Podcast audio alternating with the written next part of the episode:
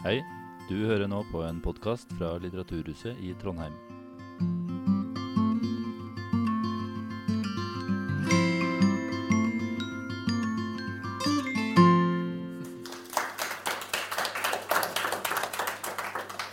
Ja, da ligger det vel i kortet at jeg starter.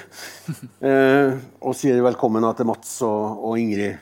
Eh, Mats Drange, eh, jeg må si noen få ord om deg. Idrettsfysiolog, historiker. Eh, lokalpolitiker, tror jeg altså. Mye rart. Mye rart. Vært dopingjeger. Stor spennvidde i forfatterskapet ditt, eh, i hvert fall. Du skrev om dopingens historie, om det å være marinejeger gjennom en innsidefortelling eh, med en av dem. Og eh, ja, du har til og med også vandra mellom to verdenskriger i Europas historie. Eh, og nå altså aktuell med denne boka 'Rivalene', som du omtaler som den mest eh, ikoniske duellen i norsk idrettshistorie. Den mellom Grete Waitz og hun her, Ingrid Kristiansen. Som er tilbake i hjembyen, Ja. som du forlot da du ennå het Ingrid Kristensen. Jeg skjønte du hadde kanskje rukket å gifte deg før du dro herfra? Jeg hadde akkurat gifta meg. Ja, du har akkurat gjort det. Ja, riktig. Men det er lenge siden du bodde der, da, i hvert fall. Og eh, Vi skal jobbe oss framover. eh, Om ikke kronologisk, så i hvert fall jobbe oss litt stykke framover. Vi skal via et studentmaratonløp i Trondheim i 1977, blant annet. Som vil være ganske avgjørende. Eh, Men før det eh, Å lese denne boka for meg da, har vært en litt sånn underlig tidsreise. Eh, for den rivaliseringa her som du beskriver, Mats, den, den virker å ligge så langt tilbake i tid, samtidig som den er ganske så nær også. Eh, jeg må si at jeg på 80-tallet, eh, tidlig på 80-tallet, midt på 80-tallet, så jobba jeg sjøl i Dagbladet. eh, I de årene som omfatter kokepunktet i, i forholdet mellom Grete og, og Ingrid. Jeg var til og med en, midt i en slags flytteprosess eh, sommeren 1984. Eh, og bodde en kort periode i leiligheten til en journalist som heter for Rolf Nordberg. Som vi kanskje skal snakke om senere. Som Ingrid ramla borti etter maratonløpet. Og utbasunerte sin eh, frustrasjon, som førte til denne førstesida. Jeg kan vise den her, for det er ikke større sal. Her står det altså Bitter Ingrid skulle ikke hørt på Grete. Og Det er den første siden som har forfulgt deg litt. Ja. Ja. Jeg må si det sånn at jeg, I Dagbladet så jubla vi over den første sida. Det var en eh, Det hadde vært morsommere å ha hatt eh, gull og sølv, vel? Ja, det var sikkert sånn, men sånn blir det nå. Men eh, eh, vi begynner med deg, Mats. Altså eh, eh, Hvor vanskelig har det vært å skrive en bok om en rivalisering mellom to personer der den ene ikke lenger er blant oss? Altså, Grete Weiss gikk jo bort i 2011. Jeg kan, jeg kan si litt, jeg, før, før jeg svarer på det spørsmålet, kan jeg si litt om utgangspunktet her. Eh, og For min del så starta du egentlig for eh, Du nevnte det at eh, for en del år siden, ja, over ti år siden nå, så jobber jeg i Antidop i Norge. Og på den tiden så satt jo Ingrid i styret. Og, og jeg er jo født ja, litt før sønnen hennes. Jeg husker jo ingenting omtrent av Ingrid sin karriere sjøl. Mitt sånn første idrettsminne det er fotball-VM i 1990. Eh, så 88 har jeg ingen hukommelse av. Og jeg kjente jo Ingrid som hvis du var en idrettsutøver, nok ok, en god idrettsutøver, men, men hadde ikke noe sånn voldsomt forhold til prestasjonene hennes. Så hun, de gangene jeg møtte henne i styret, så oppførte hun seg heller ikke som en idrettskjendis. Hun er jo fryktelig normal. En veldig vanlig på en god måte, da, person. Eh, og, eh, men så var det på et arrangement, et eh, sånn internasjonal konferanse vi var på. Jeg kunne om dette, men da, men da, da ble vi sittende rundt samme bord, og da var det sånn, delegater fra hele verden, bl.a. fra Japan.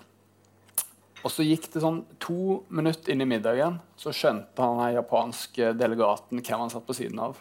Og liksom haka gikk ned, og han ble helt starstruck, og det var som han satt ved siden av Elvis. Og da, da slo det meg at her er det et eller annet eh, som du ikke har fanga opp. Fordi det er jo mange idrettsutøvere som var på Ingrid sin tid mm. før, som er veldig godt kjent, og som alle har et forhold til, og som er Ja, ikke minst liksom har blitt dytta opp i all slags verv i seinere tid og fått masse store posisjoner i idretten, som Ingrid ikke hadde. Men hvis du går inn og bare googler resultatene hennes, og du begynner å se på, en måte på hennes prestasjoner, så er det jo ingen som er i nærheten Nei. Av å dominere en verdensidrett over en så lang periode eh, som, det, som det Ingrid var. Og da begynte jo, allerede da tenkte jeg at det er jo fantastisk spennende. Hvorfor ble det sånn? Eh, og så skjedde det mye i mellomtiden, men så dukker muligheten om. Og dette startet jo egentlig at jeg hadde lyst til å skrive en biografi om Ingrid. Eh, og så eh, hadde jeg en dialog med forlaget, og eh, redaktøren der han mente jo at det er bra, men det er enda bedre hvis den kan handle både om Grete og om Ingrid. Og han sier det, og det har han jo rett i, at det er vanskelig å fortelle historien om den ene eller den andre uten å fortelle historien om begge to. Sant? For de var i hvert fall i perioder veldig tett. Altså De konkurrerte, og de, var veldig, de hadde karriere som tangerte hele veien. Eh, I alle fall en stund. Mm.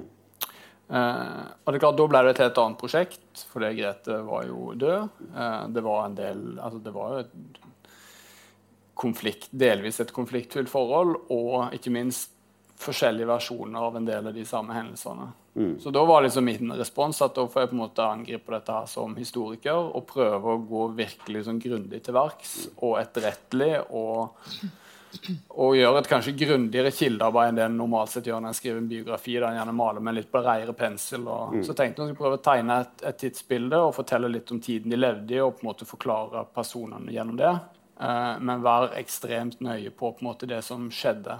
Eh, så jeg har hatt et svært kildeomfang, altså både bøker og film, og jeg fikk tilgang på hele privatarkivet til Johan Kaggestad, så jeg har på en måte prøvd å gå veldig så du spurte om det var vanskelig. Det var ikke vanskelig, men det var tidkrevende. Ja. Men veldig spennende. Ja. Så det var et langt svar på et Og et omfattende kildeliste bak. Mm. Nesten en, en femtedel av boka, men mye avfall. Ja. eh, detaljert. Ingrid, du, altså, det er ingen, ingen utøver som har hatt eh, som har hatt så mange verdensrekorder samtidig som deg. Du hadde dem samtidig på 5000 meter, 10 000 meter, Halv og hele. halv og hel maraton.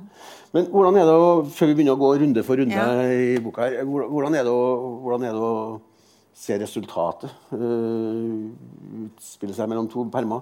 Nei, jeg syns jo, jeg synes jo det har vært veldig interessant å jobbe med Mats. For jeg har jo liksom kjent den fra han, han var han som informerte oss på disse møtene på antidoping. Mm. Syns han var en veldig ålreit type. Så når han spurte om det her prosjektet, så sa jeg selvfølgelig ja. Jeg syns det virka spennende. Det ble jo litt annerledes enn vi hadde i utgangspunktet trodd, da. Men eh, jeg syns jo resultatet er, veldig spennende. For at det, det er jo selvfølgelig historien litt om meg og om Grete og den konflikten som media fikk skapt mellom oss. Eh, vi var veldig forskjellige, kunne aldri bli venninner. Det er jo sikkert mange som har forskjellige arbeidsplasser. Vi hadde en veldig spesiell jobb, og vi var veldig forskjellige. Og jeg regner med at de fleste som er i en jobbsituasjon, er ikke de første man oppsøker i fritida. Dem de jobber sammen med.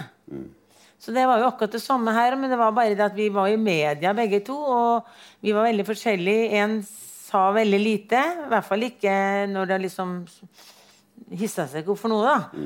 Og jeg var en sånn typisk type som sa hva jeg mente, og, og, og, og ville ikke ha noen urettferdigheter. Og det har altså fulgt meg resten av livet, altså. På grunn av at jeg var så direkte eh, på 80-tallet. Så det Men, men historien altså om da han starter med oss, hvordan vi vokste opp, hvordan det var å være jenter, eh, idrettsjenter som hadde lyst til å springe litt lenger eller gå litt lenger på ski på 70- og 80-tallet. Det jeg synes jeg er veldig interessant, for jeg tror det de som holder på i dag, ikke skjønner det her, hva vi sleit med, egentlig. Eh, jeg har jo hatt et, eh, en trener med Ingrid Vigernes, og hun kom jeg, jeg kom inn i langrennssporten i 69. Og da var jo hun en sånn frontfigur som hadde vist vei at jentuten kunne gå på ski. Selv om de hadde veldig mye motstand. Så liksom, det har prega meg. Altså, så jeg tenkte at det her må jo kunne gå an når vi løper òg.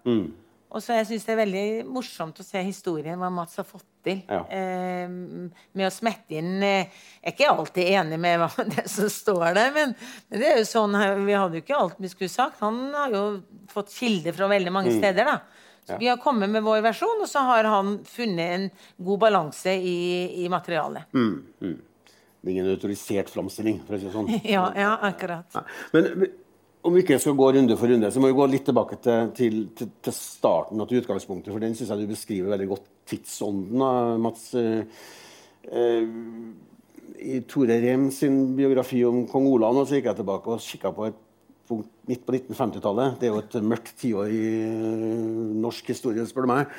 Eh, men altså Da var det også sentrale politikere som mente at, at husmorskolen burde være, bli obligatorisk for jenter. I hvert fall ett år. Fordi at eh, Så lenge gutta gikk inn i førstegangstjeneste, så burde man i hvert fall i det minste kunne eh, forlange at jentene lærte seg basisferdigheter i matstell og vanlige husmorforpliktelser. Det ville samfunnet tjene på. Dette er det samfunnet som dette er det Norge da, som Grete i 1953 og du i 1956 Ja. blir født inn i. han har sagt, Og så sier jo litt om at Ingrid Vigernes var det, var det forbildet du hadde 10-12 år senere. Men si litt om, om, om, om den tida de blir født inn i. Altså, faren til Ingrid framstår som meg som en mye mer moderne og proaktiv eh, forelder enn mora til Grete Waitz. Som mest var opptatt av å legge hindringer i veien for at dattera skulle bli idrettsutøver. i hvert fall. Ja. Nei, eh, altså dette var jo Hvis en ser på idrettsbevegelsen, da, eh, som da ble samla etter krigen Da hadde jo sant, du Arbeidernes idrettsforening, du hadde den borgerlige idretten, og så ble dette samla i, i en organisasjon med en eh, basisfinansiering på en måte fra, fra myndighetene gjennom tippemidler og sånne ting. Og for den, på en måte, de en snakker om disse nasjonale strategene eh, som bygde opp igjen, jobber med å bygge opp i Norge etter andre, andre verdenskrig, så er det klart, så var jo idretten og idrettsbevegelsen et viktig sosialpolitisk virkemiddel. Det handler om folkehelse, det handler om dannelse, det handler om å gi og Det hadde det gjort for så vidt òg i mellomkrigstiden òg, men å gi på en måte eh, arbeiderklassen, som da for første gang hadde fått fritid, noe fornuftig å fylle med. Det var utgangspunktet for det eh, Og det var samfunnskontrakten da, som var mellom norsk idrett, norsk idrettsbevegelsen og norske myndigheter. Og så er det klart at eh, Likestillingen den sto ikke spesielt sterkt i Norge på 1950-tallet. Det gjorde vel egentlig ingen steder. Eh, men så gikk det jo mye raskere fram i Norge enn en del andre land. Selv om idretten viser seg å være relativt lite progressive, som egentlig er litt underlig eh, hvis du sammenligner på hva som skjedde på andre arenaer av samfunnet. Og, altså det er bare å se til og med i dag, eh, når vi snakker om skihopping, så er det jo eh, Og det er overraskende eh, sammenfallende argumentasjon. Um, men jeg tror det som er viktig å få med seg, at, at altså det som skjedde utover 50- og 60-tallet, var jo en Altså En fikk heva levestandarden for flere av de som satt nederst med bordet. En fikk en sosial utjevning, en fikk kanskje et mer egalitært samfunn. Men klasseforskjellene var det jo fortsatt. Og det var stor forskjell på å vokse opp i en arbeiderfamilie eh, og det å vokse opp i en middelklassefamilie, f.eks. Uh, og det får jo litt når Ingrid sier at sant, vi var veldig forskjellige. En del av grunnen var jo bakgrunnen. Grete fra Keiserløkka i Oslo. Og nå kommer ikke Ingrid fra noe, noe Holmenkollen og Nei. søkkrik kaksefamilie, men hun hadde likevel. Foreldre med et annet utgangspunkt, som var mer progressive, mer moderne, og som lot du faktisk holde på. Ikke det at de heia fram og dro, dro opp, men de bremsa ikke heller. De lot jo få lov å gjøre det de ville. Og det var en ganske stor kontrast til, til det miljøet der, eh, der Grete vokste opp, der hun på en måte aktivt egentlig fikk beskjed om at det er jo kanskje egentlig andre ting du heller bør gjøre, det er andre forventninger, og litt òg den jant, veldig sterk jantelov at du skal på en måte ikke tro at du er noe. Og, og så, hun hadde en helt annen Hun måtte kjempe mot helt andre krefter for å komme dit. altså sånn, og, hadde, og, og det gjorde noe at du kjente alltid på et veldig ansvar for å prestere. Mens Ingrid var jo mer hun var vant til å leke og til å kose seg og drive med idrett for gledens skyld. Hun var ikke redd for å tape. Grete var jo veldig tidlig redd for å ikke på en måte levere i henhold til forventningene. For hun visste at, at hun var på en måte på nåde. da. Det blir jo ikke noe av det, sier mora. Nei, Ja. Uh, Og det er et fryktelig utgangspunkt. Ja. Og veldig tøft, men det former nok hun òg som person og som Mm. idrettsutøver. Hun strevde jo med nerver og konkurransenerver altså, gjennom, gjennom hele karrieren. Mm. Ja. Mens Ingrid var jo en mye friere person, da, og det tror jeg har en del med, med oppvekst og bakgrunn å gjøre. Du hang på far din og bror din og innover i Bymarka til du gikk Ja, fra dem. Ja, vi hadde masse fine turer. Det var jo gleden av å holde på ute i marka som drev meg, altså. Men at det tilfeldigvis kom borti idretten var jo for at du er født på Hadde jeg vært født ti år før, så hadde jeg ikke fått muligheten. Nei. Så det er jo veldig mye tilfeldigheter. Så heldigvis at jeg var født eh, sent på 50-tallet. For da fikk vi muligheten å komme inn i det her miljøet. Og så var vi veldig heldige her i, i Trondheim. Vi hadde en, eh, en skiklubb. Jeg begynte ut på ski eh, som het Fredi, og der hadde vi masse damer og jenter som holdt på. Vi hadde det veldig gøy. sånn at Vi sparka fotball, vi sprang og vi gikk på ski. Så, så det ble et veldig godt sammensveisa gjeng. Og noen gjorde det godt, og noen gjorde det dårlig. Så det var ikke så farlig hvor bra vi gjorde det, men det var viktigst at vi hadde det gøy sammen. Mm, Og det, altså, fri, jeg drev jo ikke med friidrett, det gjorde Grete. Og friidretten er mye mer målbar. Vi liksom, gikk på ski, ja, ja, vi gikk en tre kilometer, en fem kilometer. Av og til så var det rødklister, av og til var det blåsviks. Altså, Det var jo totalt forskjellig mellom hver gang. Så det var liksom om å prøve å gå så fort som mulig, og kanskje du vant, og kanskje du ble nummer tre. Så det var liksom litt mer friere rammer rundt konkurranseformen, som jeg valgte da helt til jeg var 24, egentlig. mm. Men du blir friidrettsutøver litt ved en tilfeldighet? Eller, Nei, altså eller du gjør det samtidig? Ja. Jeg gjør det jo samtidig i Ja. mange år, men jeg ble jo headhunta fra en av klubbkameratene mine som var på land, norske landslaget Mm. og mente at jeg måtte løpe. Men jeg syntes det var for sært miljø faktisk Mm. å drive med friidrett, så jeg ville være i skisporten til jeg var Ja. ferdig studert. Ja. Men 'Rivalene', som tittelen på boka. Vi må, vi må, vi må spisse den. Ja. Det, er tre, det er tre sånne møter mellom, eh, mellom de to da, som jeg gjerne vil liksom dvele litt ved. Det første det skjer i 1971. Eh, du beskriver det, i- Mats, i boka. Det er juniorlandskamp på Bislett. Eh, er seniorlandskamp. Det er seniorlandskamp på Bislett. Landskamper. Det var store ting på 70-tallet. Sånne landskamper. Eh, Ingrid er 15, og, og, og Grete er 17. Det er to og et halvt år. Noe sånt Ja. Ja. Og kjemien da, stemmer ikke, framgår det her eh, av boka. Det kan ikke jeg huske helt. Nei, men du, for jeg lurte på om det var du som var sitert på, men det, det var åpenbart Ragnar Nilsen, som er treneren til Grete, som sier liksom at det var noe som lugget fra første øyeblikk. Og da lurer jeg på, virker de? Kan man ane det der og da? Skjønner. Det var jo hans oppfatning, da. Ja. Uh, og hvor han har Kanskje har hans Altså, jeg tror jo det s- altså Mitt bilde her er det at her har du På den tida så var jo Grete kommet mye lenger i karrieren sin. Hun var jo en kjent utøver. Hun var et kjempetalent. Hun, hadde, hun, hun var hun var ja, godt likt. altså hun var, Folk kom for å se på hun løpe. Eh, så, men, men hun hadde jo som jeg sier, hun hadde med seg dette her med Ja. bekymringen for ikke å prestere, eh, og nok det presset på å levere for de mulighetene hun hadde fått, da, som hun på ingen måte tok for gitt. Sant? Og så kommer den trønderen inn, da, ned til Oslo, reiser rundt sant, i dagene i forveien, løper et stevne der, et stevne her, og tar ikke så mye hensyn til forme opp topping eller noe som helst. Sant? Og bare stiller opp helt eh, fri for eh, prestasjonsangst. Så det er klart at, at Jeg tror nok, jeg ser jo for meg at når han traff de to sammen på Bislett, der, så så han to personligheter som var ganske forskjellige.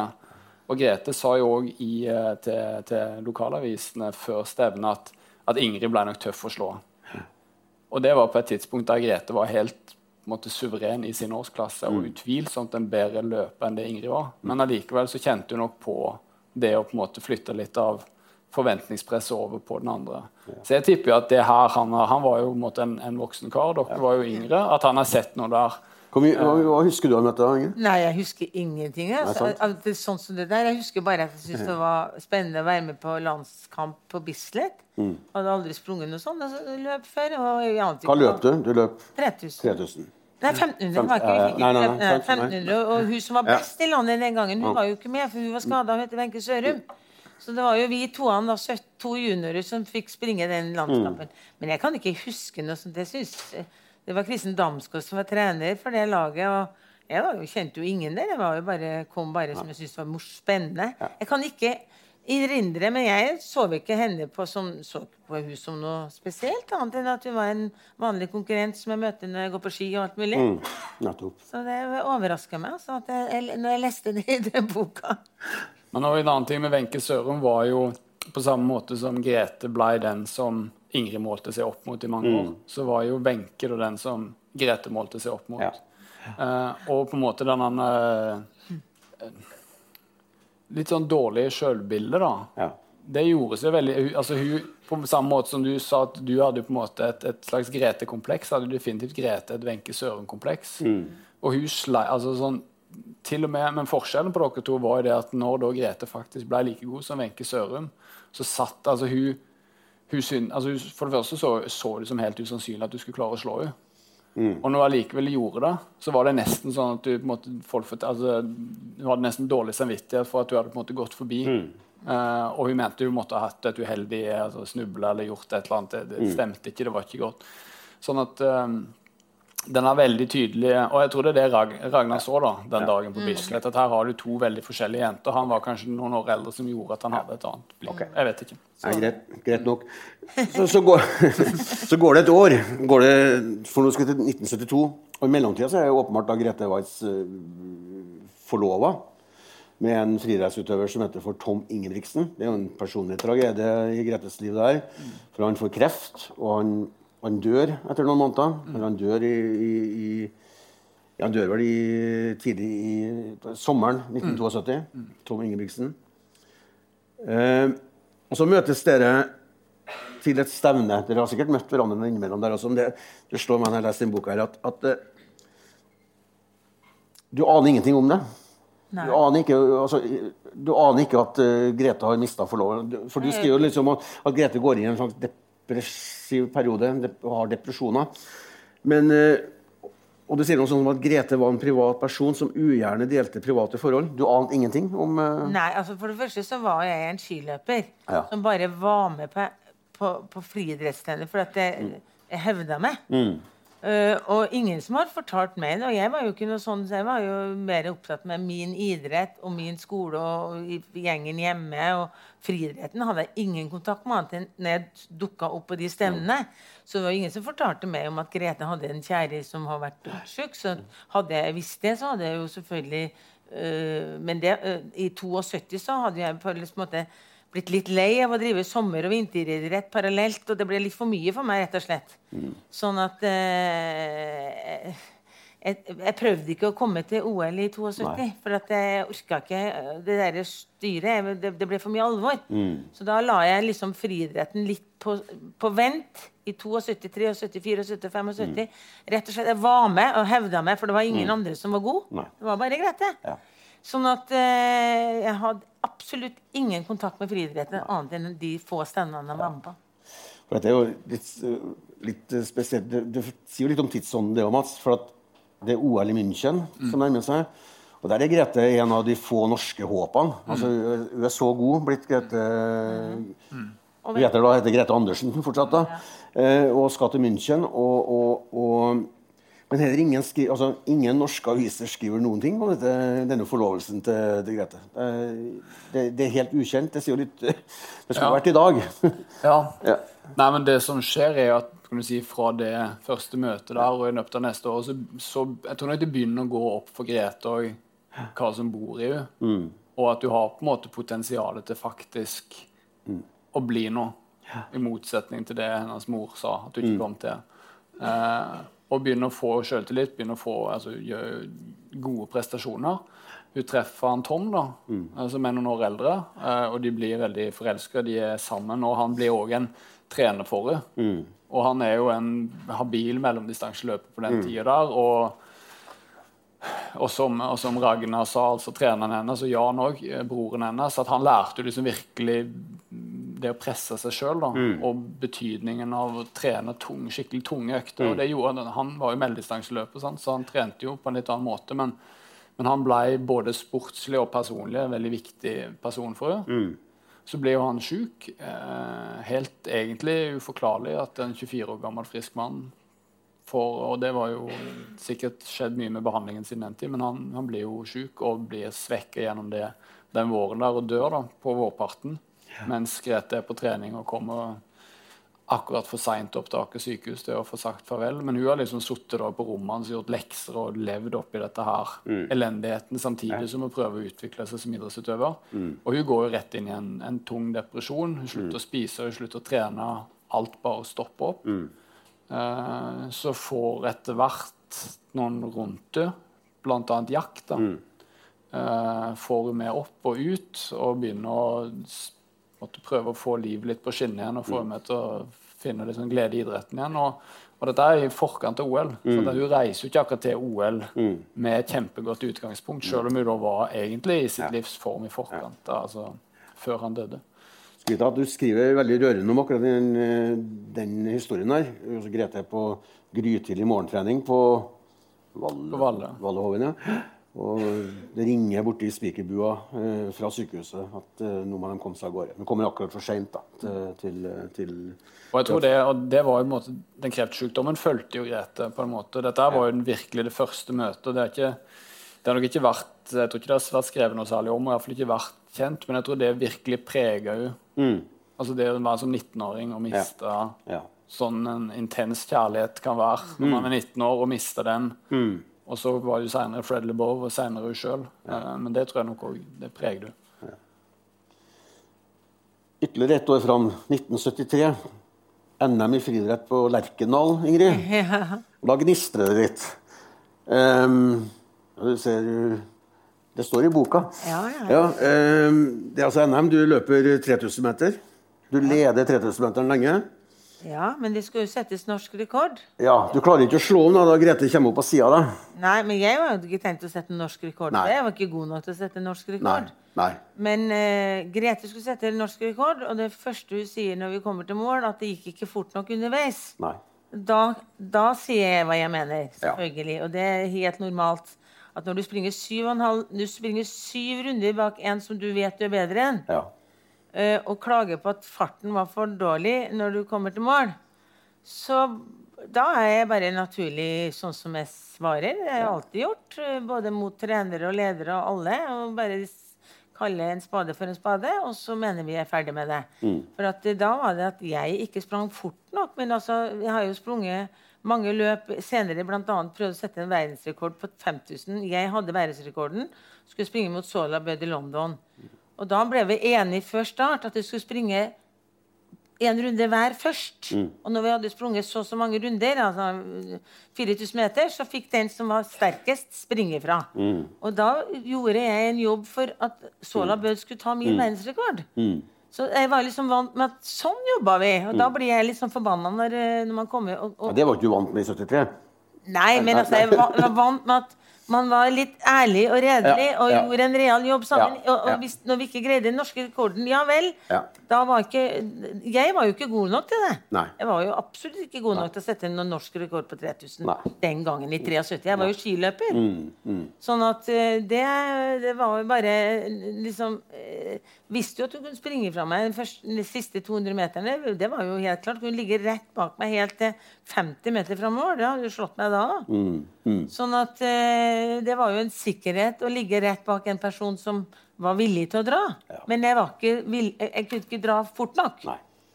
Til Og da, og da spør du du, at uh, da, da sier du til deg rett at hvorfor går du ikke i front? Hvorfor går du Ja, ikke i front? Og hvis du er så opptatt av å sette rekorder, sier du. Ja, ja. defensiv strategi ble det kalt. Ja, det. for meg var det defensivt. Ja, riktig. Ja. Er det frampekt her, Mats, på hva som snakker om?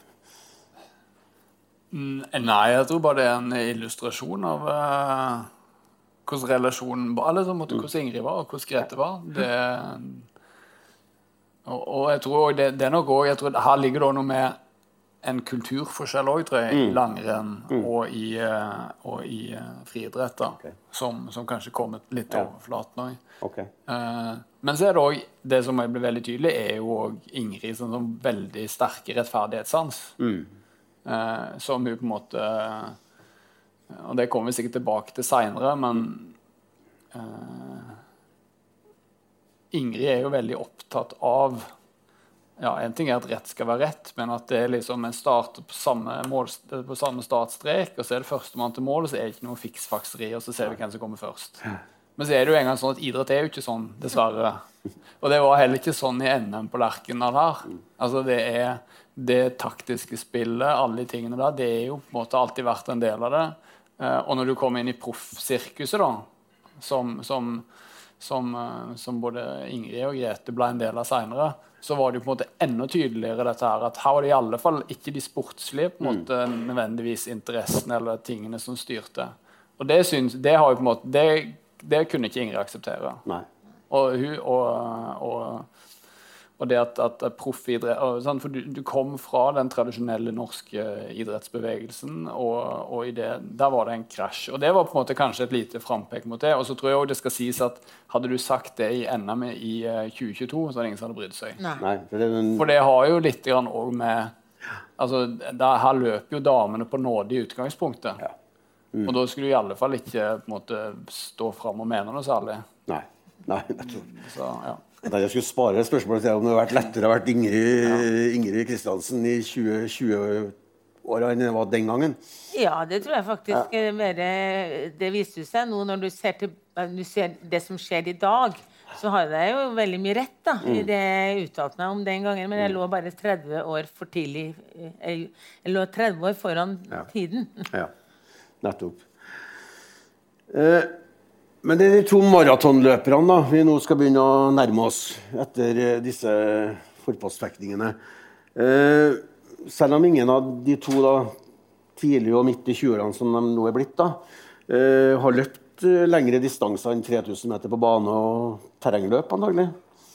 Eh, så blir dere, både du Ingrid og Grete, egentlig maratonløpere litt ved tilfeldigheter. Altså, du, du blir i 1977 da er du blitt sammen med Arve, ja. din, eh, som du fortsatt er sammen med. Ja. Arve Kristiansen. Mm. Eh, sommeren 77 så lurer han på om dere to skal melde dere på å løpe ja, studentmaraton. Ja, det stemmer det. For da var jeg egentlig skulle jeg prøve å kvalifisere meg til VM på ski i 78 i Lahti. Mm. Og så drev vi og sprang mange lange turer, og så var det en Arve som sa at vi kan vi ikke ta den ene langturen på studentmaraton? For det, er jo litt spennende å gjøre noe annet enn å springe opp i marka. Mm. Så tenkte jeg ja, hvorfor ikke? Jeg hadde ikke sprunget en meter på asfalt, og ikke hadde jeg noen sko som egna seg for det heller. Men sa ja, greit, vi kan være med på det. Og det var sånn den første norske damen som sprang på maraton på norsk jord. da. Ja. Så, men det er vel ikke så veldig mange som vet. det. tror jeg. Du er den tredje norske kvinnen ifølge boka som løper maraton i det hele tatt. Ja. Den første var en 47 år gammel uh, sykepleier fra Finnmark. Mm. Som hadde meldt seg på et løp i Sverige for at du, som et ledd i opptrening etter en ryggskade. Ja. og den andre det var en 51 år gammel hun kjenner du, friidrettsutøver. Ja, er Kirsten Lien Garbo. Ja, som hadde løpt en maraton i Aten på tre og en halv time. Hun hun oppe i Finnmark hadde løpt brukt fire timer. litt over fire ja, timer. Altså, det var jo ikke noe... Men, men hva, hva, hva, løp du på? Eh... Jeg sprang på 2.45 2.44 og, ja. noe sånt. Og da var det min mann sa da etter at vi kom til mål For vi sprang og prata hele tiden. Ja. Så sa han hvis han ikke hadde, at ikke hadde taua på han, så hadde jeg helt sikkert sprunget fem minutter fortere. Ja. Men det får vi aldri svar på. Hvor gikk den maratonen? Det gikk jo fra samfunnet og samfunnet og så opp til Sluppenbroa, gamle Osloveien, og bort til Ilakirka, og så eh, Kalvskinnet, ja, og, så til, til, og så en runde til. To runder. To runder, ok. Så det var jo en grei løype, da. Ja, Men det var en treningstur for deg? der? Med, ja, det ble egentlig. Ja, ja. Det var jo det. Ja, nettopp. Men du og da var det en eh, norsk leder Du jafsa rekord med 1 12 timer eller noe sånt? Da. Ja, ja, men det var jo ikke noe vanskelig rekord. Men han nei, nei. norske maratonsjefen den gangen han var jo helt over seg. Så sa han Ingrid, Ingrid, du må begynne å springe maraton. For da kan du reise hele verden rundt ja. og springe rundt på sånne løp. Men det hadde ikke jeg tid til. Nei, men det er jo det som er så snodig. For det er jo noen borti USA som får med seg at du løper denne maratonen uh, over Sluppenbrua, innover ja. Osloveien og rundt Ilakirka. Så det ramler inn en invitasjon til deg fra New York Marathon. Uh, for de har hørt om løpet ditt i Trondheim. Mm. Og så er de, uh, de er da altså på jakt etter å De er i ferd med å bygge opp da, et sånn internasjonalt merkenavn borti USA. Mm. New York Marathon. Og De trenger da en kvinnelig frontfigur, og de tilbyr deg både altså, flybilletter og kost ja. og losji for å dra bortover dit. Men så skulle jeg ha eksamen da, vet du, dagen etter løpet. Da hadde ja. jeg ikke tid til å Nei, Så du takker nei. Så han takker nei, ja. Så du kunne ha blitt den frontfiguren som New York Marathon Ja, var på jakt etter, da? Ja, men eh, jeg hadde vel Ja, det kan godt tenkes. Eh, Ikke så sikkert jeg vunnet det. Jeg vet ikke. Det, det, det er sånt som vi alle får svar på. Nei. Men det gikk jo bedre og bedre etter hvert, da. Da skal Men du sier nei, da. Til, takker nei til flybilletter til, til New York i 77? Det var liksom ikke det som var målet mitt. Jeg skulle, jeg skulle jo til VM på ski. Jeg. Ja. Det var det jeg skulle. ja, du kom dit. Ja da. Du gjorde det? Ja. Det var da Norge gjorde det så jæklig dårlig. Ja. Men 78, da er det jo stedet Greta som drar til New York. uh, Mats. Uh, høsten 78. For da har hun altså tatt bronse på 3000 meter i EM i friidrett, men har bestemt seg for å legge opp som aktiv utøver. Men så bestemmer de seg for Eller Jack, da, som hun nå er blitt gift med, og heter da Jack Waitz, overtaler henne til å dra til New York for å, for å, for å løpe maraton. Vi kan ta det som en ferie, siden for hun stritter jo imot Grete. Fortell. Altså, jeg, tror det, jeg må huske på at her at, at uh, det der uh, Europamesterskapet, da Der hadde jo da Der løp jo Grete en fantastisk 1500 meter. Fire, fire blank. Ja.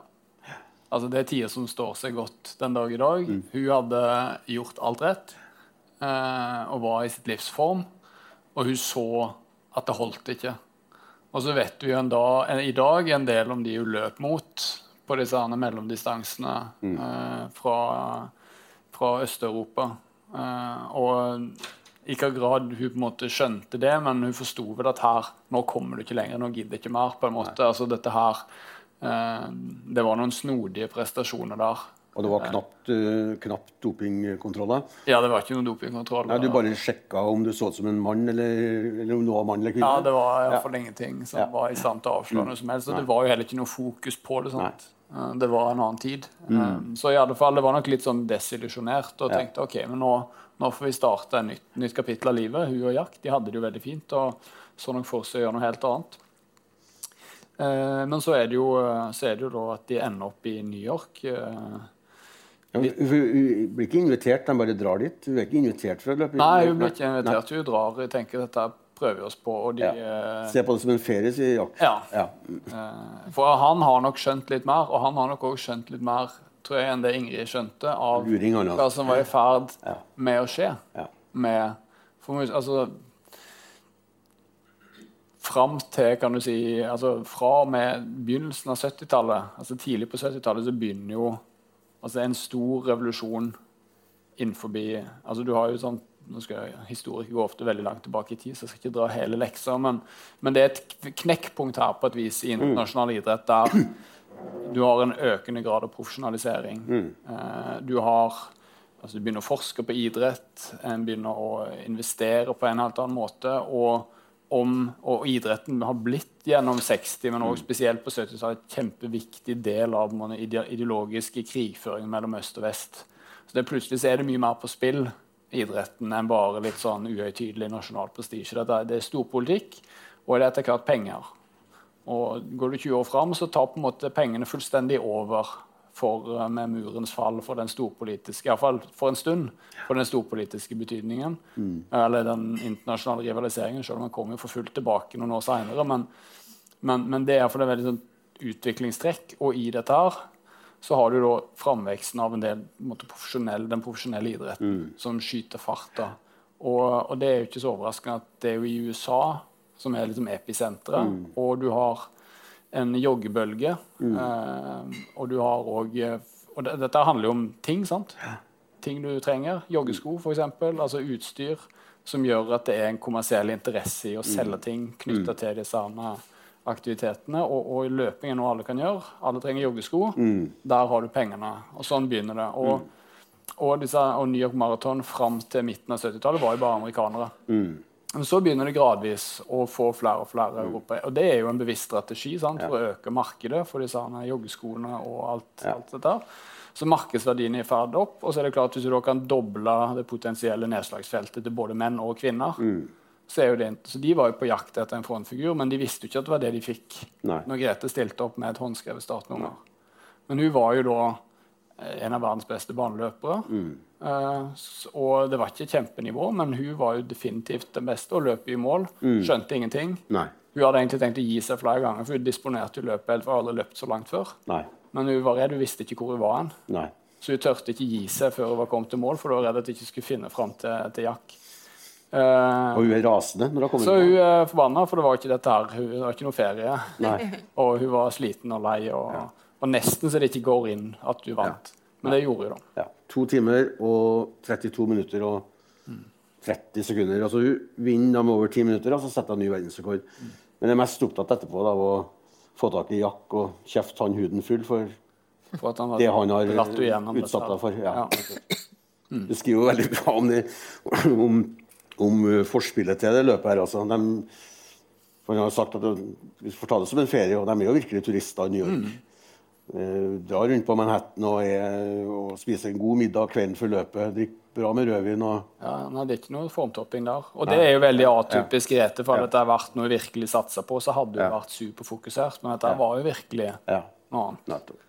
Get the blonde girl's name. She has broken a record, and I don't know her name. Var det, hvem var det som sa det? Det var vel spikeren. Det var spikeren som sa det. riktig. Riktig.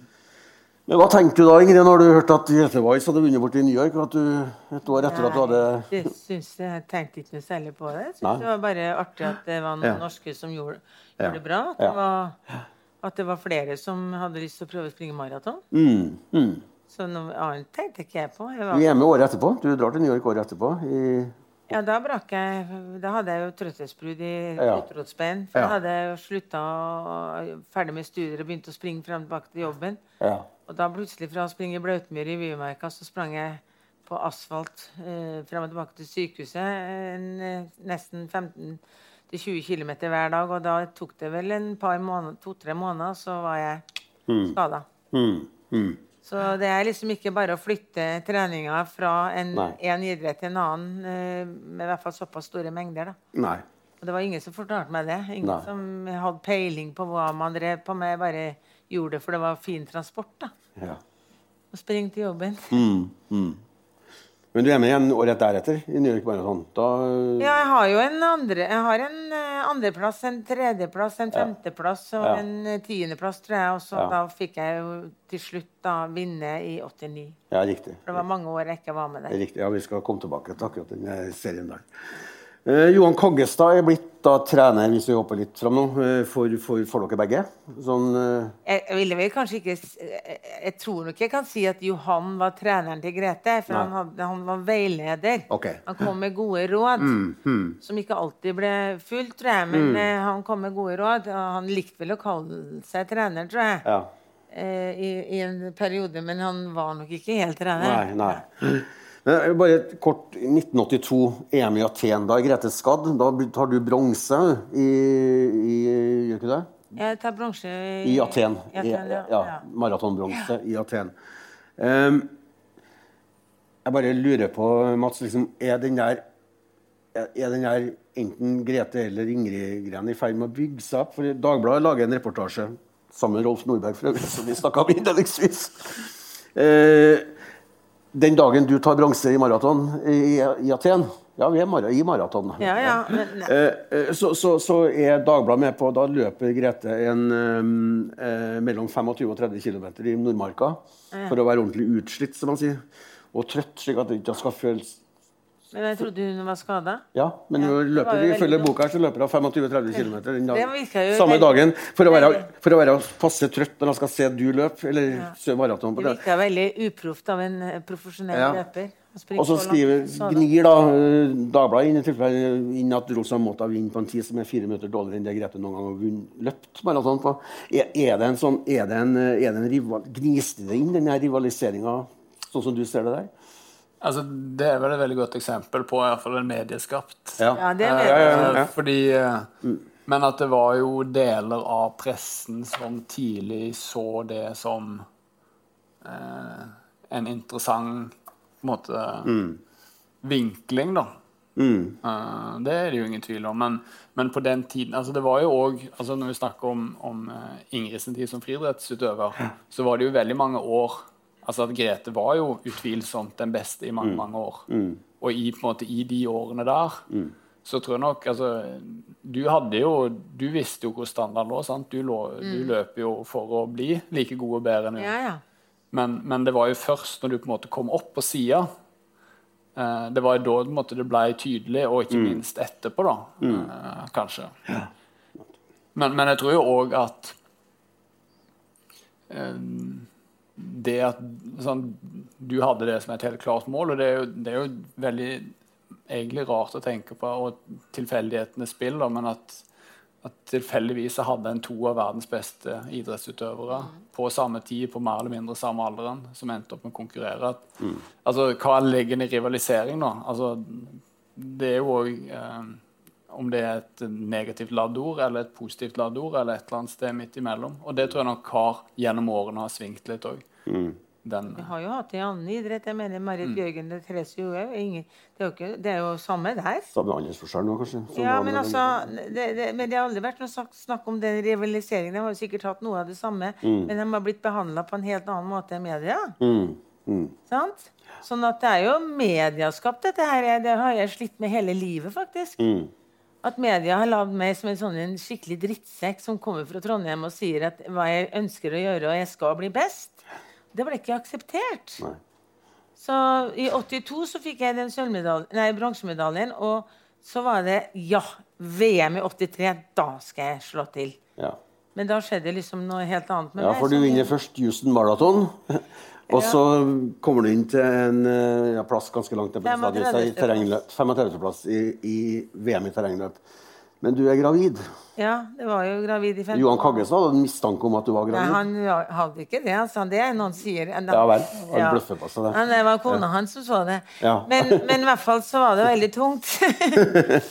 så da ble det ikke noe eh, VM for meg. Jeg fikk aldri vært med på det VM-et. Og du kan si, når du sier at det er noen som ikke var med i, At- i Aten når vi sprang EM i, i, maraton, for da var jo noen som ikke var med. Mm. Eh, Mens da, når vi går til VM i 83, Mm. så var det veldig mange som ikke var med da òg. For da var ikke Rosa Mota med, da var ikke John Benoit med, og ikke jeg. Så det, det ble jo på en måte De første mesterskapene på maraton ble jo på en måte litt B-mesterskap. Mm, mm, For at det var noen som ikke var med. mm, mm. Eh, men det står det, det er jo resultatlista forteller, det forteller ikke dem som ikke var med, men dem som vinner. Mm. Sant? Så, sånn er det jo veldig mange andre idretter også. Eh, dem som ikke snakker om eh, den gangen han eh, skiskytteren vant eh, OL, var det OL i skiskyting? Nei, på langrenn. Og da sier jo alle sammen at han var så heldig med føre. For at han hadde ikke snøstorm mens de andre hadde snøstorm. Men det står ikke på resultatlista. Så sånn er jo idretten. eh, Hvis du først vinner noe, så, så står du der for alltid. Det blir ikke skrevet om hvorfor vi vant. Nei. Nå, nå hopper vi jo litt altså Jeg syns akkurat uh, Det som er spesielt med den, holdt på å si, ikke med graviditeten, men, med hele, men det som skjer der, er jo det at Bakteppet her er jo det at et av hovedargumentene for alle mannlige idrettsleger de siste ti årene som har stritta imot at damer skal få lov å løpe langt, Ja. har jo vært reproduksjonsevnen. Mm. Som i dag, det står seg jo fryktelig dårlig. Men Ja. det var liksom en bekymring. Og det er jo sånn, det å kontrollere kvinners seksualitet, det er jo det er jo sånn man har holdt på, og dessverre holder på fortsatt. Men det var liksom et av hovedargumentene. Sånn, han kan ikke løpe langt, det er skadelig. Så går Ingrid og vinner, da. Ja. Tre måneder. Og så etterpå fikk jeg jo beskjed om at du må i hvert fall slutte å trene. slutte? Og, og vi kom til å miste melka. Mor mi sa nå må du slutte med den dumme springinga. Du kommer til å miste melka hvis du driver og springer sånn. Og så sprang jeg jo Houston Marathon ja, fire måneder etter at Gaute ble født. Og da hadde jeg jo satt jeg jo i persen og vant løpet på 2,27. Så, og da måtte jeg jo ha med meg pumpe, for han var jo, måtte jeg levere i Trondheim. Jeg hadde ikke noe barnevakt. Så det, så det var veldig mye organisering. Noe de idrettsjentene som er på det nivået som jeg var den gangen, som får barn, de får litt hjelp. Fikk ingen hjelp. Jeg hadde en mann som jobba 110% i oljebransjen. Jeg hadde ingen kjente i Stavanger, så jeg måtte ta fly opp til Trondheim for å avlevere han. Og, og tok en skitur i Bymarka før jeg dro til Jussen. Og, og måtte ha med meg pumpe. da, Og jeg visste jo at han stakkars gutten ikke fikk morsmelk hele tida, for jeg hadde ikke greid å pumpe nok i forkant. Men det greide vi. Så, det, så det er liksom veldig mange ting som jobba imot meg den gangen, og som, som eh, veldig mange som holder på i dag, tror tar som selvfølge at det ordner seg. Altså Det blir ordna opp. Mm. At de, får ordna barnevakter. Og, for jeg, Berit Ønli lå jo et halvt år foran meg. Hun fikk jo barn, Vi var jo konkurrenter som ski. Men hun fikk jo sønnen sin et halvt år før jeg ble mor. da. Eh, men Skiforbundet stilte jo opp. De stilte jo med barnevakter og ja. ordna opp for dem. Men det, det, fikk vi aldri hjelp til. Så, det, så du jobba virkelig mot. Altså. Så det, det, var også en sånn faen som gikk i meg, at jeg skal vise dem at det her går an. Jeg skal vise dem at jeg skal greie det her. Og det, og det er jo det som er litt spesielt. altså det som er, altså Både altså Grete og Ingrid var jo For i den tiden her altså 78 var vel det året der, eh, der, eh, der hun von der Lippe sneik seg, med, ja. seg med i Holmenkollstafetten. Mm. Altså, dette er en tid der damer ikke fikk lov å løpe mm. Holmenkollstafetten. De fikk ikke lov å gå Birkebeina. De fikk, ja, ja, ikke lov til nå. uh, mens uh, og du har på en måte i altså, mm. Dette er jo det snakk om det lange 70-året. Ja. Altså, det er jo virkelig kvinnekampens i tiår, og så har du noen ekstremt reaksjonære krefter ja. i idretten. Ja. Og så er det jo ikke det at, at verken Ingrid eller Grete var jo veldig uttalte kvinnesaksforkjempere. Men de, på en måte, som vi sier i fotballen, så de snakker med beina. Altså. Det at de prestasjonene, prestasjonene, ikke minst, det var ekstremt symboltungt. Mm. For du får jo på en måte, du legger jo den diskusjonen ganske død, da. Eh, med... Du skriver det at et mer arkaisk, et eh, mer knusende oppgjør med, arkaiske, med de siste arkaiske oppfatningene av kvinnehelse og idrett eh, kunne man ikke fått. Dessverre ikke de siste, da. Nei. Men, Nei. men ja. ja. Mm noe det siste. Mm.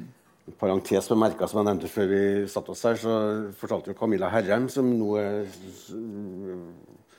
har sin andre graviditet og hoppet av dette hjemmet. at hun var glad ikke hun var håndballspiller for 25 år siden. Mm. Eh, og, ja. men det er jo desto mer begeistra for dem som har gått den ja. løypa opp mm. i, i, idretten. Eh, du er kjapt tilbake, det nærmer seg OL eh, i, ja. i 1984. Eh, og du får en diagnose, som å si. Altså, Du lider av et Grete Waitz-kompleks. Ja, Det var jo... Det er en diagnose som settes av Willy Railo. Ja, jeg hadde... Si litt om hvem Willy Railo er først. Willy Railo var en, eh, han var en superpedagog. Mm. Uh, eh, Jobba på idrettshøyskolen. Mm. Og så hadde han jo jobba litt med jeg vet ikke, Han var ikke noen idrettspsykolog, men han hadde jobba med Arve Tellefsen. Ja. Uh, for, for, at han skulle bli enda bedre til å spille. Og, mm. og så var jeg, hadde jeg en sånn trener som var veldig flink til å når vi ikke fikk til noe, så tenkte vi hva gjør vi nå for mm. å bli bedre på det vi ikke kan? Mm. Og Da gikk vi ut og prøvde å finne noen som kunne hjelpe oss. Og da kom han med det forslaget at kanskje vi skal ringe til Willy Railo. Kanskje han vil hjelpe oss. Mm. Og han var jo ivrig, for at han tenkte så, så her er en idrettsutøver, og det, der får du svaret ganske fort. Altså, Springer vi to minutter for sakte, så springer vi to minutter for sakte. Mm. Springer vi fort nok, så er vi der. Så mm. han, jeg tenkte som så at hvis han jobba med en idrettsutøver, så kunne han kanskje få uh, den tankesettet hans, da, måten han tenkte på i forhold til tankens kraft og sånne ting, uh, satt på kartet. Så jeg dro noe ned, sprang noe ned til ham. Han bodde ikke så langt ifra meg. sa til mannen min at jeg skal ned til Royal. Han orker sikkert ikke å snakke noe lenge med meg, men jeg drar noe ned. Og så kom jeg ned dit, og så sier han Fortalte jeg liksom historien min, og så sier han ja, men du Ingrid, du har et problem. du, sånn. Ja vel, hva er det? Jo, du har et Grete Waitz-kompleks. Og så sier jeg ja, men det vet jeg at jeg har jeg derfor jeg kommer hit. At jeg har en blokkering når hun er ved startstrengen, så tenker jeg med en gang at da blir jeg bare nummer to. Om jeg er i New York, om jeg er i London, uansett hvor jeg var. Hvis Grete var der, så gikk det ned en rullegardin sånn, og så ja, andreplassen. Og så, etter at han hadde sagt det, at jeg hadde et Grete Waitz-kompleks, så nevnte han ikke Grete med et ord. Hun var ikke tema lenger. Det var å vinne som var temaet. Så om det var Ove Grete eller om det var John Benoit eller Rosa Mata, det spilte ingen rolle. Så jeg måtte begynne å jobbe og bli en vinner, rett og slett. Mm. Så da begynte jeg å jobbe med det, og det var jo forholdsvis enkelt. Han ga meg to arbeidsoppgaver, og det, det var å se meg selv komme over mål som førstemann. Det var jo sikkert, det var jo greit når det var fellesstart. Og så at jeg aldri skulle se en rygg foran meg når jeg sprang. Det var to arbeidsoppgaver jeg fikk. Og så spurte jeg hvor mye jeg måtte trene på det der. da. Så sa han fem minutter hver dag. sa han. Ja vel. Og, og så neste spørsmål mitt var jo selvfølgelig Jeg var jo interessert i at det her skulle gå fort. Så sa jeg hvor lang tid tar det før jeg ser noe resultat? Så sa han igjen tre, tre og en halv, fire uker. sa han da. Så etter en og en halv uke så var det NM i terrengløp i Hønefoss. hvor jeg sprang to distanser. Og der slo jeg Grete for første gang. Og hun trodde ikke det var sant. Og hun ble jo like overraska som meg. Og det var en ganske eh, surrealistisk opplevelse. Og så slo jeg ned uka etterpå med sentrumsløpet med solo og bøtt. Det var et veldig spesielt løp. Og uka etter det så satte jeg europarekord i maraton. Selvfølgelig norsk rekord òg. Og da tenkte jeg oi, dette var effektivt. Men jeg hadde nok ikke jobba nok med det, for jeg hadde nok en eh, litt litt, Kanskje litt det der at hun var bedre, hadde vært bedre med hun hadde litt mer erfaring. Og så at eh, vi kom til OL, og da var jeg litt for eh, litt for eh, Lytta litt for mye til eh, støtteapparatet.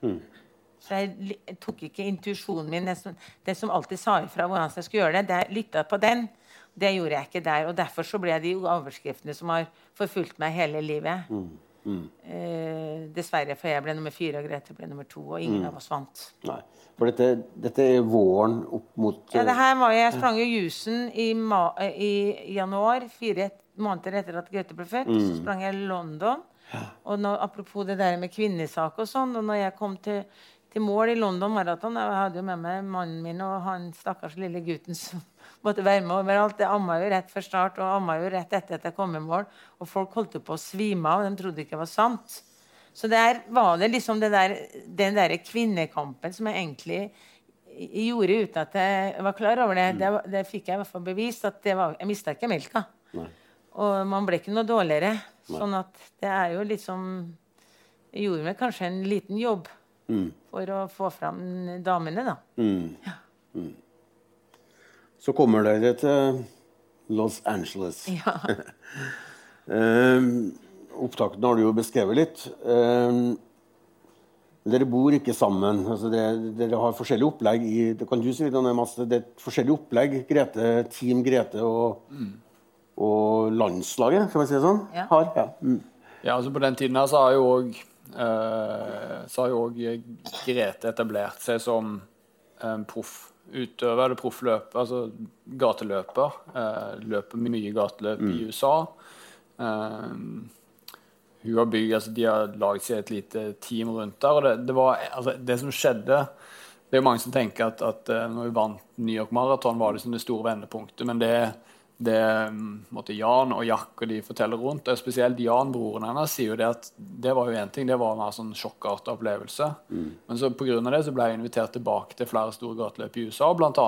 små gateløp, men bl.a. et, et midnattsløp borti, borti San Francisco, tror jeg det var.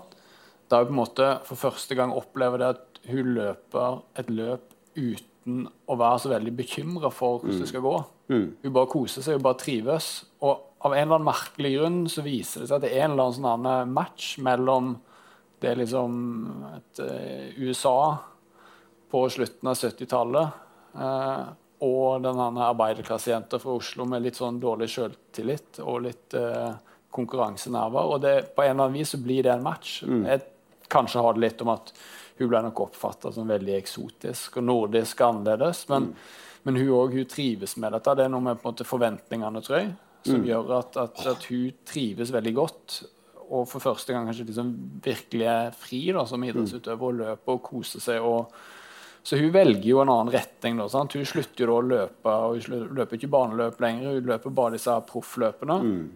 Og hun kjenner definitivt på altså Det er jo ikke det at du ikke er opptatt av å vinne lenger. Og disse store, altså store tunge um, og viktige maratonkonkurransene, de, er- de er det viktige for å vinne. Men hun løper også mange av de andre. Så hun har på en måte de by å bli en populær person i USA. Hun blir òg en frontfigur for, den, for kvinner, altså for, for, løp, løp, løpsporten blant kvinner. Hun får sponsorer. Hun blir liksom og, og de kjører sitt eget løp, sant? mens eh, Ingrid, som da er med på landslaget og følger liksom og, og løper, og løper mm, ja, baneløp og mesterskap rundt omkring de har, de har, altså det er jo, som du sier, Johan er jo tettest på Ingrid som hennes trener, men, men han har òg kontakt med Grete og Jack og er en rådgiver for de, og, og når det kommer til, til OL her, så har, de, så har de på en måte i månedene før så har de jo på en måte lada opp for Ingrid, som Ingrid sier, at hun på en måte, hun for første gang, etter hvert nummer to da, i nesten ti år, så er hun på vei opp på sida. Eh, og det skaper jo en sånn helt annen dynamikk enn når det, altså Grete vant jo VM året før. Nå er det plutselig to Og du visste det at måtte, hvis du slo verdensmesteren, så var det jo nesten OL-mester da, før du hadde begynt. Og det var jo det at det var noe med på måte, forventningene til begge to i forkant av det mesterskapet som var enormt store. Ja. Men de velger iallfall forskjellig. altså Ing Ingrid og hun hadde jo et helt annet på måte, sosialt behov òg, så hun er jo med den norske troppen i Stanford, der de har sin leir. Eh, Grete, Jack og Jan eh, de har et lite team. Grete hadde, hadde ikke det behovet for å ha veldig mange mennesker rundt seg. Hun hadde sin lojale krets som hun hadde det bra med, og som hadde bygd opp da et regime før og etter løpene, og de kom rett, mer eller mindre. De kom et par dager før. De ville ikke reise bort, og, for de, var det, de ville være hjemme og trene Fra Norge? fra Norge. Okay. Så de var trent hjemme så tett på som mulig, og så dro de bort. Hvor lenge har dere vært der da, før eh, start? 5. august er datoen her, da. 5. august, ja, vi dro vel eh, Det var en uke, tenker jeg. Noe sånt. Ja. Mm, mm, mm.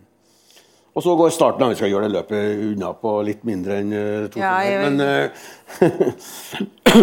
Nei, det var jo Utgangspunktet var jo at vi eh, eh, på en måte hadde blitt pepra full hvor varmt og pollution og hvor forferdelig det kom til å bli å løpe. Og det, sånne ting brukte jeg aldri å bekymre meg for, for at løpet er som det er. Det var når vi gikk på ski, så var det fem kuldegrader, eller var det 15 kuldegrader, eller var det pluss fem. Du måtte ta det som det var. Og så, det mener jeg, når du er i en konkurranse som det er utendørs, så må du ta det som det er. Så jeg tenkte ikke så mye på det. Men hver gang vi var sammen, og hver gang vi var sammen med støtteapparatet eller legen eller Johan, så fortalte de hvor fælt det kom til å bli. Og da blir jo, du blir jo Selv om jeg hadde jobba meg opp til å tro på at dette skulle gå bra, så fikk vi jo på en måte en beskjed om at vi, vi skulle være forsiktige, ikke springe for fort, og, og alle de reglene vi måtte forholde oss til. Og når da John Benoit går etter 4,5 km, så blir jo jeg litt sjokka. S- da, må, da spør jeg jo Grete men vi kan jo ikke la hun gå. For at hvis hun går, så kommer hun til å, å springe ifra oss. for de løper ved siden av hverandre og snakker sammen. da. Ja, det var jo så tidlig i løpet. Og jeg så jo alle de folka som var rundt oss. da. Det var jo folk som sprang fire minutter fortere enn, og de drev og trippa rundt oss. Jeg tenkte her kommer jo ikke til å gå bra i hele tatt. Nei. Og, hun, og, og når vi hadde sprunget fem kilometer, litt over fem kilometer, så var det kona til Johan. Hun hadde min sønn som da satt i sportsvogn, som ble ett år like etterpå.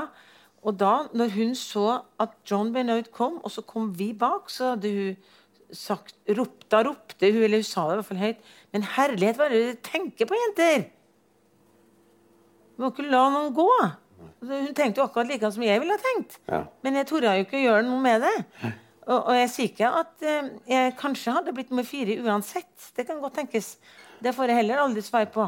Men jeg hadde vært mye mer realt og prøvd. Og vært med toget. Og vært med John Benoit.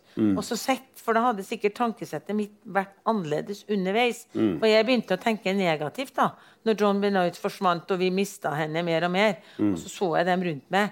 Og da er det, har jeg jo lært etter hvert med årene som gikk, at det, det, blir negative tanker, og da bruker du unødvendig mye energi på ting som du, som du ikke skulle bruke energi på. Nei. Så når da det toget begynte å gå litt fortere, så orka jeg ikke. Og da tenkte jeg vinner ikke allikevel om jeg blir nummer to, tre eller fire eller fem. Spiller ingen rolle.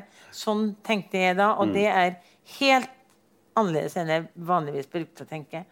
Og da ble jeg jo den mikrofonen når jeg kom i mål, så var det jo ikke akkurat øh, glede. Så jeg ble jo liksom lei meg. Så sa jeg bare sikkert et eller annet. Jeg vet ikke om jeg sa akkurat det som sto der.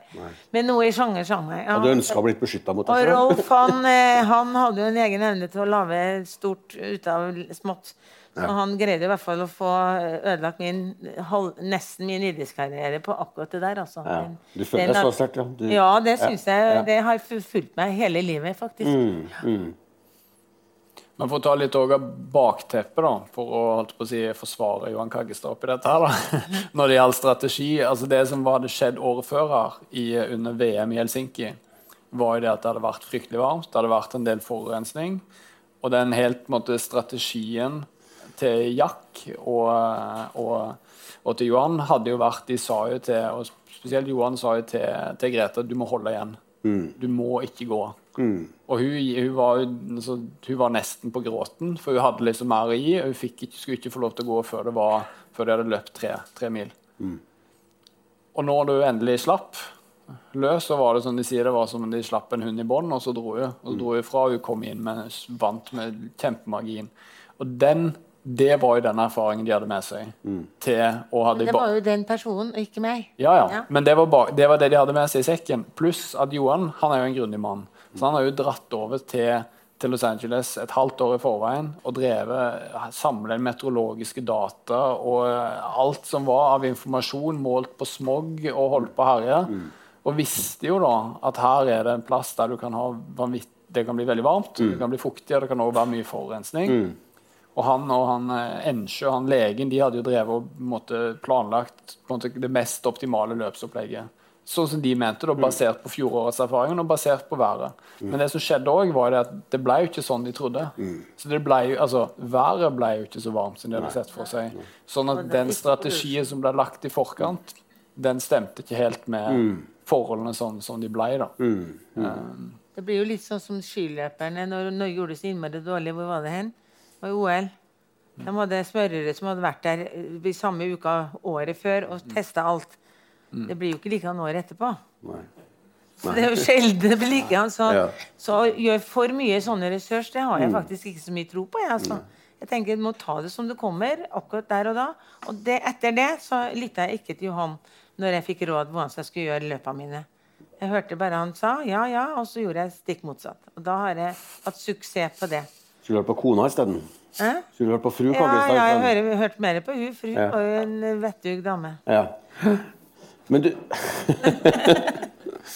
Men du, før vi, før vi går ut på, på, på de siste rundene her ehm, For nå er det jo liksom i årene etter 84. Det vi må jo huske på det nå. at det, det er jo da The Branding og Ingrid Kristiansen starter. Det er jo da du blir, da du blir verdens beste løper. Men er det sånn at er det sånn at 84 Jeg skjønner jo såpass på deg at det skygger over så mye av det som skjedde etterpå? At, eh, at, det, at du skulle Ja, jeg, har, jeg møter fremdeles folk som tror at jeg er, er en mye dårligere tider enn Grete. mm, Skjønner ikke at jeg har norgesrekorden i 13 år og springer fortere på de distansene. Så det er veldig mange. Det er mye historieløshet uti... ute i Tenkte jeg skulle ha han til å banke fast etter slutt her, da, så etterpå. Men ja. ja. Nei, nei, men det Ja. Mm, mm, mm. Men altså, jeg var en sånn løper som jeg sprang, for jeg syntes det var gøy. Og Mm. når jeg greide å få resultatene, så var det veldig morsomt. Og så satsa jeg på et annet liv ved siden av. Så, Ja. det, så enkelt var det. Så jeg var egentlig fornøyd med det. Men det, er jo, det, det, det ga jo meg veldig mye å greie å slå veldig mange av de her folkene i etterkant. I nye øvelser, da. Mm, mm. Sette liksom Sette skapet på rett plass, så Ja. det viser at man kunne løpe fort. Men I parallell, vi må ikke glemme det heller, da, at uh, sølvmedaljen til Grete Waitz i LA 84 var jo Det var jo en norsk idrettsprestasjon. Altså den Ja. eh, som da... det var media som ødela den. Ja. Ja. ok, ja. Mm.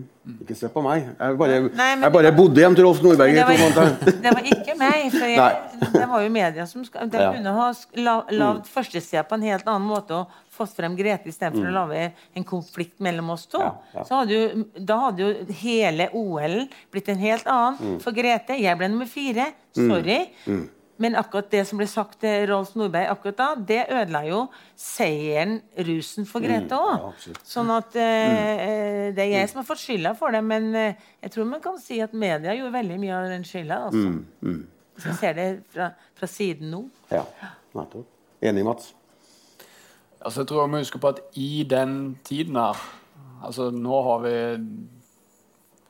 15 TV-kanaler. Altså, det var NRK som sendte alt. Alle, altså, alle satt og så på dette. her. Du hadde Alle de store avisene fulgte med. Hvis du ser hvor mange som er skrevet om Ingrid og Grete i oppladningen og i tiden rundt det, det var en vanvittig interesse rundt det. Og det var jo interesse fordi at du på en måte hadde Her hadde du jo to av de beste utøverne. Det var åpenbart at de var, de var veldig forskjellige, og de var hverandres største på en måte, konkurrenter. Eh, og de var kvinner, som kompliserte det litt, men som også kanskje gjorde det mer spennende og lettere å lage disse her. Og så er det jo sånn, sånn er det jo fortsatt i dag, at, at kvinner som er veldig tydelige, de blir ofte sett på sånn sure grinte, mens menn som er det, de blir sett som liksom stødige og autoritære og, og trygge. Og det er jo klart, den, den dynamikken lå det òg. Og så skal jo det sies at Ingrid var jo ikke, og er jo ikke, like taktisk alltid. sant? Det er jo andre som er mer taktiske i møte med media. Du sa jo rett ut, eh, og du har jo fortsatt å gjøre det, Ja, ja. det du mener. Eh, og, og mm, og i, også på toppen av dette, for jeg tror det som også gjorde altså sånn, Nå har vi ikke snakket så mye om det med kommersialiseringen, men, men, men i alle disse årene så ble jo plutselig denne, det ble mye penger i det. Og stadig mer, mer penger. Og det var jo i seg sjøl ganske kontroversielt i Norge. For på en måte der vi begynte før, altså tidligere i sted med at, at i Norge så var det jo helse, folkehelse og dannelse som var hele verdigrunnlaget for idrett. Det var derfor de fikk penger fra staten. Det var ikke for å produsere toppidrettsutøvere, sånn som det var i en del andre land, der idretten var knytta mer til nasjonal prestisje. og De ofte var ansatt i Forsvaret eller et eller annet. I Norge så var det et helt annet utgangspunkt. Og amatøridealet sto veldig mye sterkere her enn andre land. Og bare det at de begynte å tjene penger, ble jo på en måte mistenkeliggjort. sant? De, de ble jo, altså Hvis du ser de oppslagene som var i VG og Dagbladet på den tiden der, der de hele veien gjør et poeng ut av å mistenkeliggjøre det at en tjener penger på idretten. Og Det ble jo etter hvert, det var jo ikke lov sant, lenger. Når det først ble lov, så ble det opprettet et fond der alle pengene de tjente, gikk inn på konto. Så fikk de nødt å ta ut litt underveis, og så fikk de alt tilbake når de var ferdige. Så kan jeg se for deg liksom Ingebrigtsen-brødrene eller Henrik Kristoffersen fikk beskjed om at alle sponsorpengene dine dit der vi var på, gutten min, og så skal du få det igjen når du er ferdig. Sånn det, har jo, det var jo mye Det var veldig mye som skjedde. Det var mye konflikt. Det var mye altså det var ja, mm. Som spilte opp rundt de tingene her. Framgår i boka også. Skriver om det. Eh, men Ingrid, du og Grete løper ikke maraton mot hverandre noe mer?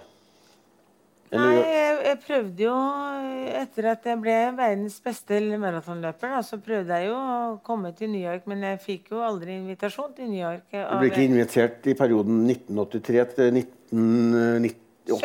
78, 79, 80, 81, 82 og 83 kunne jeg ikke, for da var jeg jo akkurat blitt Ja, mamma. ja. Så de årene ble jeg. Men 84, 85, 86, 87, 88 har jeg ikke Ble du ikke invitert? Aldri. Nei, nettopp.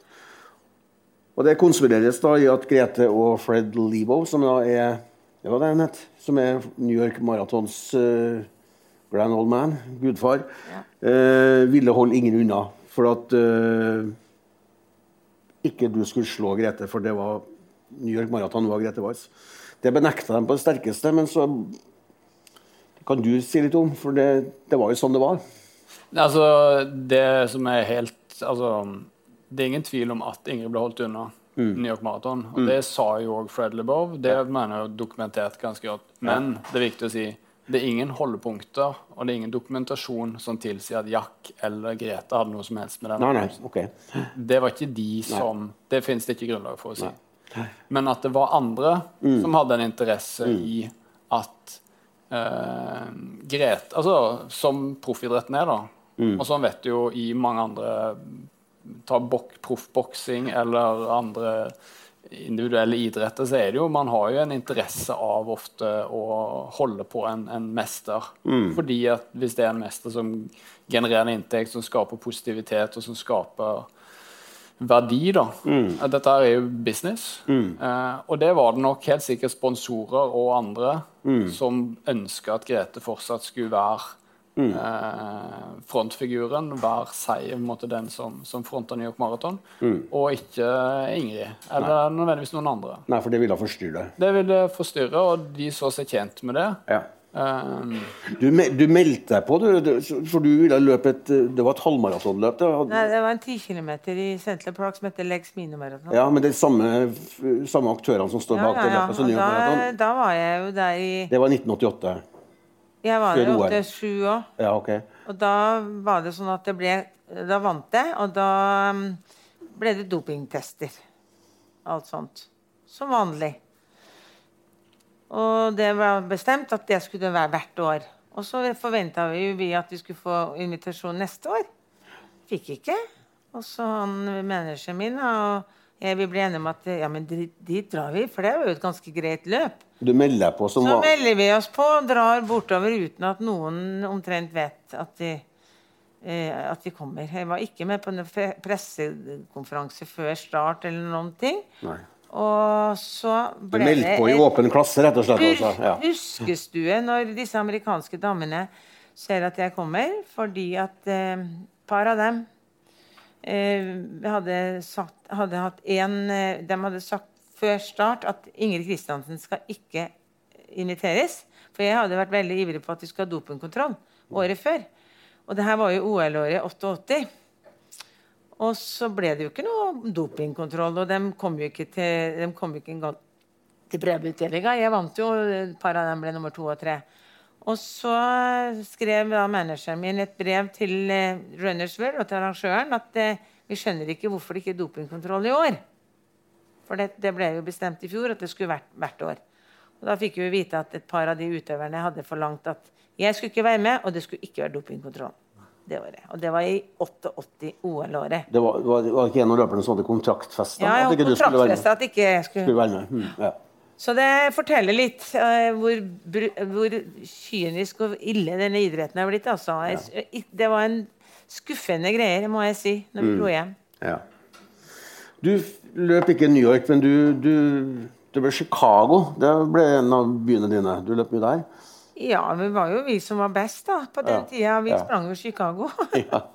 Trond Benoit, Rosa Mota. Ja. det var Lisa Martin og Grete som sprang i New York. Da. ja. Chicago Marathon det ble etter hvert også et mer important eh, maratonløp enn New York. Ja, Større prestisje. eh, Det er jo det i dag, antagelig. Ja, det er jo i hvert fall ikke så det, du, du kan si det er mer elitefelt. Der Ja. i New York er det vel kanskje mer bredden? Så Fred LeBeau sa vel noe sånt eh, For det var jo en veldig kniving mellom de Ja. to arrangementene. Og i midt i dette så sa vel han noe sånt som at New York skaper stjerner, og Chicago kjøper de. Det var jo litt sånn Det var, Ja, det var sånn Veldig fått så veldig mye for stille i Chicago, så det var jo måten han Ja, ja, men det var, det var Ja. der det var liksom der konflikten lå. da. Og, og det, for det var jo sånn det var blitt. sant? Det handler jo om å få mest mulig oppmerksomhet rundt sitt arrangement. Dette var jo butikk, sånn som proffidrett er. Ja, riktig. Eh, vi må begynne å runde av, for at vi er bare 10-12 minutter unna. Hvis du skal rekke to-tre spørsmål, kanskje også, men vi er snart i mål. Men hvis man skal si, oppsummere litt, eh, Mats, eh, før du liksom også sier liksom, hvem var størst, hvis vi skal bruke en sånn veldig tålelig uh, sluttføring her. Men hvorfor ble det sånn? Altså, at den ene ble folk, veldig forenkla folkekjær, og den andre ikke det på samme måte. Hvorfor ble det sånn? Mellom to helt enestående utøvere. Altså for å ta altså, det, I dag så er det jo fortsatt sånn Det å være eh, Prestasjon alene er ikke nødvendigvis det som avgjør hvor mye oppmerksomhet du får, eller på en måte måte populær det blir, hva verv du får i etterkant, eller, eller de tingene der. Mm.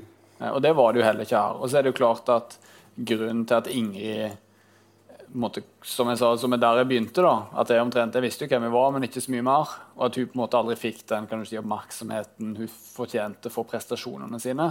Det handler jo om, utvilsomt om tiden, og om det at Norge og verden var nok ikke helt klar for en kvinnelig utøver som både liksom sa hva hun mente, og som la ambisjonene sine for dagen, og som ikke la så mye imellom.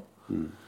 Det var en del av det. Men så er det den andre delen av det. Det var jo at Grete var jo en person som holdt på å si, var en veldig person som folk ble glad i. da, Eh, Og som gjennom mye av det engasjementet hun hadde, og gjennom den hun var, og, og, og, og prestasjonene hennes, og det at hun på en måte, hun var jo selv om Ingrid løp raskere enn hun på alt annet enn 1500 meter, og utvilsomt var en bedre idrettsutøver, så var hun noen år foran. sånn at hun ble jo da, altså Selv om Ingrid løp maraton før Grete, så er det jo Grete som ble eller hadde nok tenkt at var den som løp først. Men hun ble, hun, hun ble folkekjær og mest av alt pga. den hun var, tror jeg. Og nå er jeg intervjua ja, oppimot 50 stykk. eh, og eh, 20-30 var de sitert i boka. Og det har jo veldig få som har sagt noe som helst negativt om Grete Waitz. Eh, og, eh, og det tror jeg nok Så det er en del av eh, forklaringen. Ja. Og det har definitivt ikke Ingrid gjort heller. Men det er ikke så mange som har sagt så mye vondt om Ingrid heller. Men de var to, altså de var to veldig forskjellige Ja. Nei, jeg mener at de det, det har jo heller ikke Ingrid gjort. Sagt noe negativt om Grete på den måten. Nei. Nei. Jeg var bare så uheldig at jeg slo av. Ja. Ikke sant? Men det, men sant, det som er fascinerende her, og det er jo det sant? Med, med disse to sant? Da har du I ti år så er du nummer to Ja. nesten. Så Ja. kommer du opp på sida, og så blir du Ja. Endelig så er du på høyden. Endelig så skal du liksom ta tronen. Og så uansett hva som er årsaken, så får du ikke sjansen, sant? Nei. Det er jo fryktelig Det er jo ikke vanskelig å se for. Og jeg tror liksom for Ingrid sin del så Du ble verdensmester, du ble europamester, du var verdens beste løper i ti år. Men det at du liksom aldri fikk tatt den skalpen, på en måte er klart at For alle som er idrettsutøvere genuint interessert i å vinne og konkurrere, så er jo det på en måte bittert å ikke få den sjansen. Mm. Ja, jeg sammenligna jo liksom litt med fra skisporten. Jeg, vet du. For at jeg var jo uh, på skilandslaget i ganske mange år. Junior- og seniorlandslaget. Der var vi, reiste vi sammen, alle sammen. Spiste alt det måltidet sammen. Og konkurrerte mot hverandre. Jeg lå gjerne i dobbeltseng med Merit Undli. Og, og en gang slo hun meg, og en gang slo jeg henne. Så vi liksom, vi bygga opp hverandre. Med liksom den kulturen. Vi bygga opp hverandre. Så, yes, I dag greide du det. Neste gang skal vi ta skarpen på deg. Det var liksom den holdningen der. Og når jeg kom inn i denne friidrettskulturen, så var det sånn helt annerledes. Jeg kjente meg ikke igjen i hele tatt. Og Derfor så holdt jeg meg borte fra det i så mange år, til jeg da begynte å jobbe og ikke kunne holde på med ski lenger. Og da ble jo friidretten liksom det som jeg havna på. Og da ble det en annen kultur. Så jeg, var, jeg liksom aldri skjønt meg. Jeg skjønner meg ikke helt på den enda. Jeg er i det miljøet nå òg. Det er veldig mye det samme i dag, altså. Ja. Syns jeg. Du blir portrettintervjua i Ukeadressa for uh, ni år siden, i 2013.